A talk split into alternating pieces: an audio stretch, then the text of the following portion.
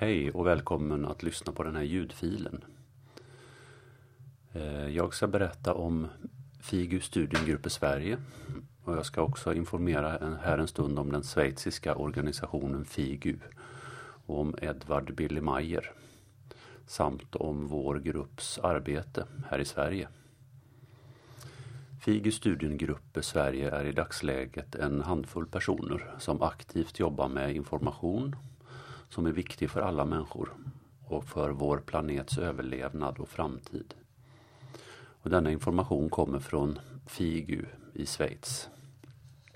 FIGU det är en förkortning som står för Fria intresseföreningen för gräns och andevetenskap och ufologi. Den grundades runt 1975 i Schweiz av en man som kanske är känd för flera av er. Edvard Albert Mayer. Eller Billy som han i dagligt tal brukar kallas. Jag ska strax återkomma och berätta mer om honom. På flera håll i världen, i ett eh, ja, i tiotal länder, finns mindre figurgrupper som är så kallade studiegrupper eh, med intresserade personer knutna till FIGUs kärngrupp i Schweiz. Så även vår svenska studiegrupp som funnits i cirka tio år. Vårt arbete här i Sverige består i att studera material tillsammans, översätta böcker, artiklar, anordna informationsbord, hålla föredrag eh, med mera. FIGU i Schweiz består av en kärngrupp, grupp eh, 49, som utgörs av cirka 35 personer och som regelbundet träffas och hjälper Billy Mayer i hans så viktiga missionsarbete. Figus grundprincip är att göra denna information eh, tillgänglig för så många som möjligt. Men viktigt är att den aldrig får forceras eller prackas på någon människa. Utan istället bara neutralt finnas där som hjälp och information. För alla som har ett eget intresse att fördjupa sig och förkovra sig i Figus material. Jag har själv sedan i början av 80-talet intresserat mig för olika andliga frågeställningar och var som tonåring en ganska sökande person som ville ha svar på de stora frågorna. På olika vägar fick jag i min hand så kallade kontakthäften som var enkelt tryckta A4-häften översatta från tyska till svenska med ordagranna konversationer mellan en schweizisk man, Edvard Billemeyer, och en kvinna vid namn Semjase. När jag som 15-åring första gången läste detta så framstod materialet som en aning chockartat. Men också av någon anledning som självklart och naturligt och jag kände ganska snart att den person som skrivit det här måste vara en fullkomligt uppriktig och ärlig människa. Som talade utifrån helt självupplevda erfarenheter. Men också informationens vetenskapliga värde och exakta förklaringar gjorde ett starkt intryck på mig. Till exempel när det gällde astronomi, historia, andliga frågeställningar, filosofi med mera. Allt detta sammantaget gjorde mig övertygad att informationen inte var vilken fiktionslitteratur som helst. Utan den hade ett rejält, och ursprung, eh, ett rejält ursprung och värde. Vem är då Al Edvard Albert Mayer? Eller Billy som han vanligtvis kallats. Han är idag 80 år och bor sedan länge på en mindre gård i ett vackert böljande landskap utanför Zürich i Schweiz.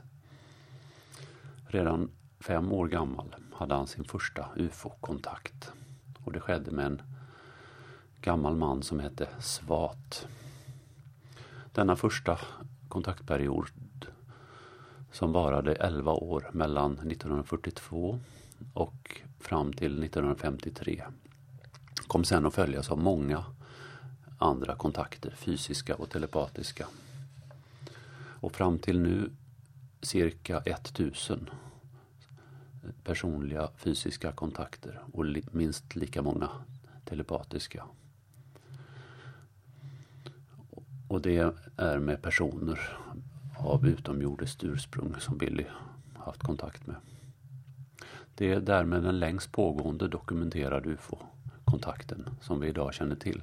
Över 75 år har den pågått.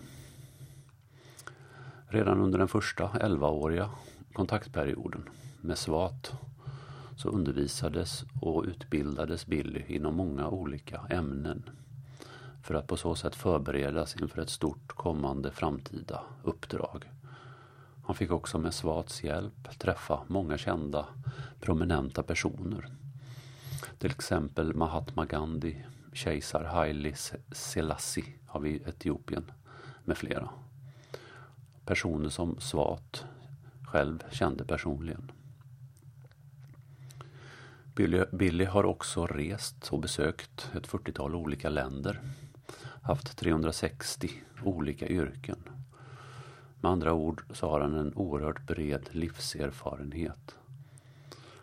Och det totala antalet sidor som Billy har skrivit och publicerat uppgår till idag till cirka 25 000.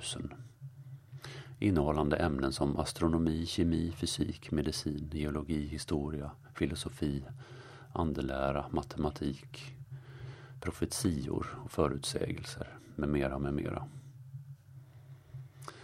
Antalet fotografier som Billy Meyer har tagit och det är kanske de som han framförallt är känd för, för många. Eh, de uppgår idag till 1476 bilder. Varav hälften tyvärr stulits och många har förfalskats. Alltså en oerhört stor mängd information som ibland inte ens Billys närmaste medarbetare kan överblicka riktigt.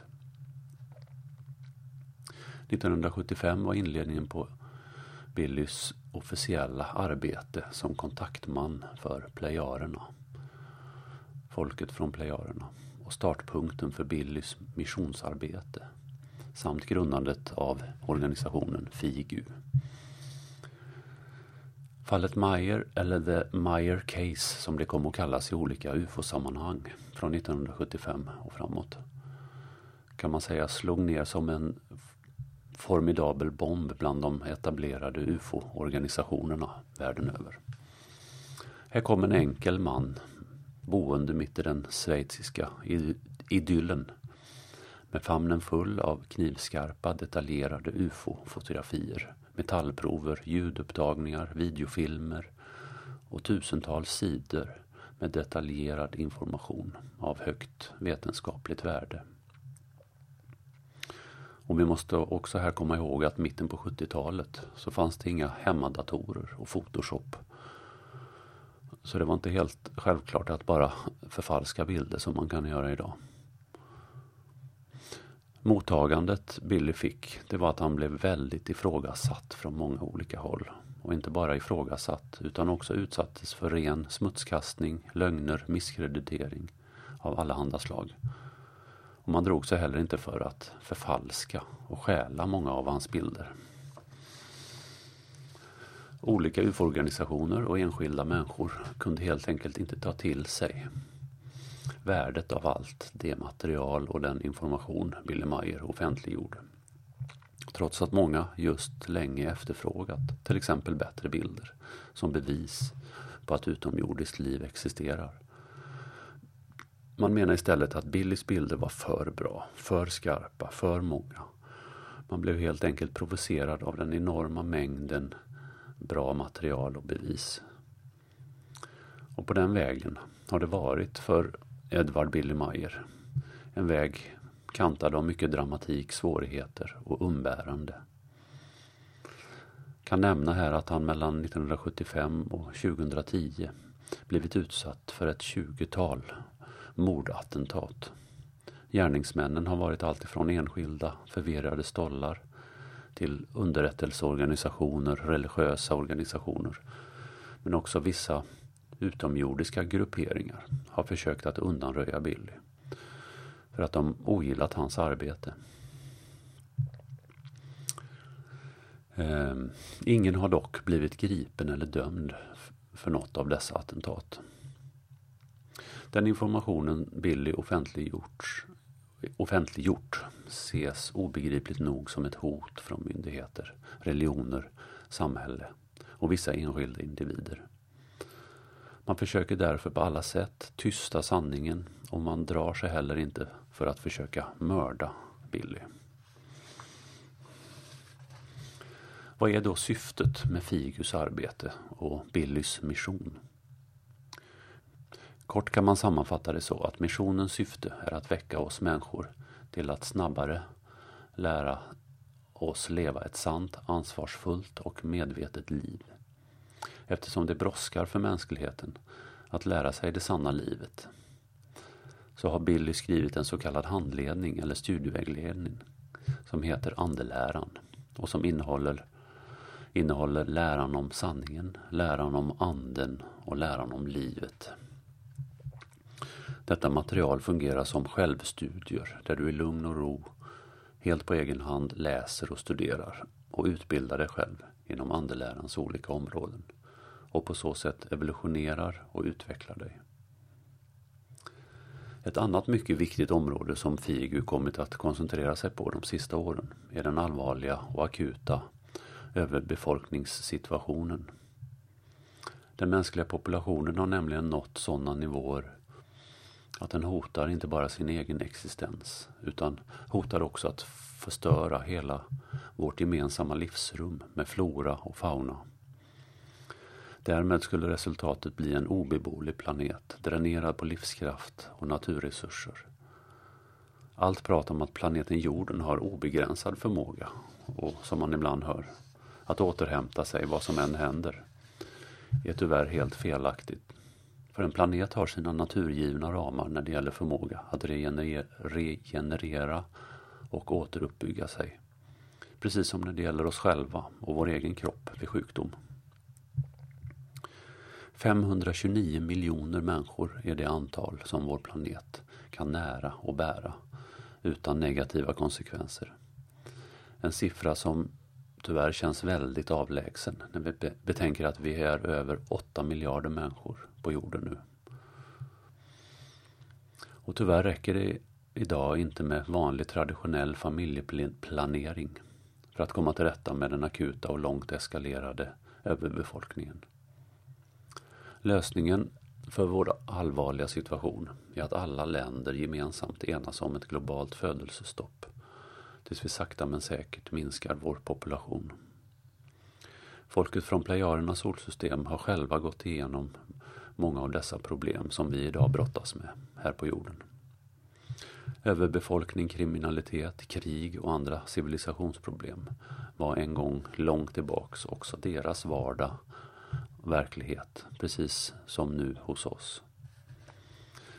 Till exempel kan jag nämna att de japanska och kinesiska folken kom hit till jorden för cirka 20 000 år sedan. Just på grund av överbefolkningsproblem på sin hemmaplanet som hette Nissan och låg i Lyrans stjärnsystem. Därför är den information som plejarerna och Billy ger oss oerhört värdefull i vår nuvarande svåra situation och ger oss en unik hjälp och möjlighet att med egen kraft lösa och överbrygga de problem som vi har. Samt att styra vår gemensamma utveckling mot ett fredligt, respektfullt, harmoniskt, kärleksfullt förhållande till varann, till naturen, jorden och skapelsen.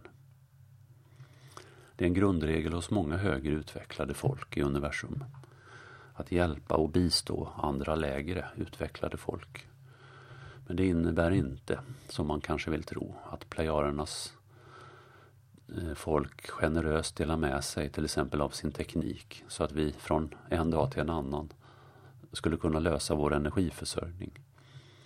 Det är nämligen så att vi själva måste förstå och omsätta plejarernas och Billys information till vårt eget vetande och skapa handling och förändring själva både på individnivå och på samhällsnivå. Endast då blir den varaktig och utvecklande och för oss framåt.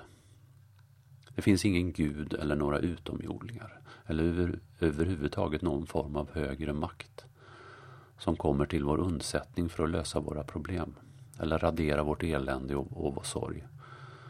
rätta till våra misstag och ställa saker och ting till rätta.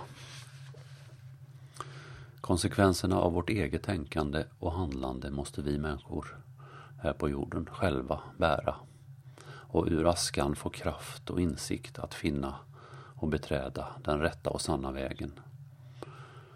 Ge plats för alla livsformer, växter och djur att få evolutionera enligt sin, e sin egen art och grundligt förstå att denna vackra planet är ett gemensamt livsrum för oss alla, för vår andliga och materiella evolution enligt skapelsens lagar och bud.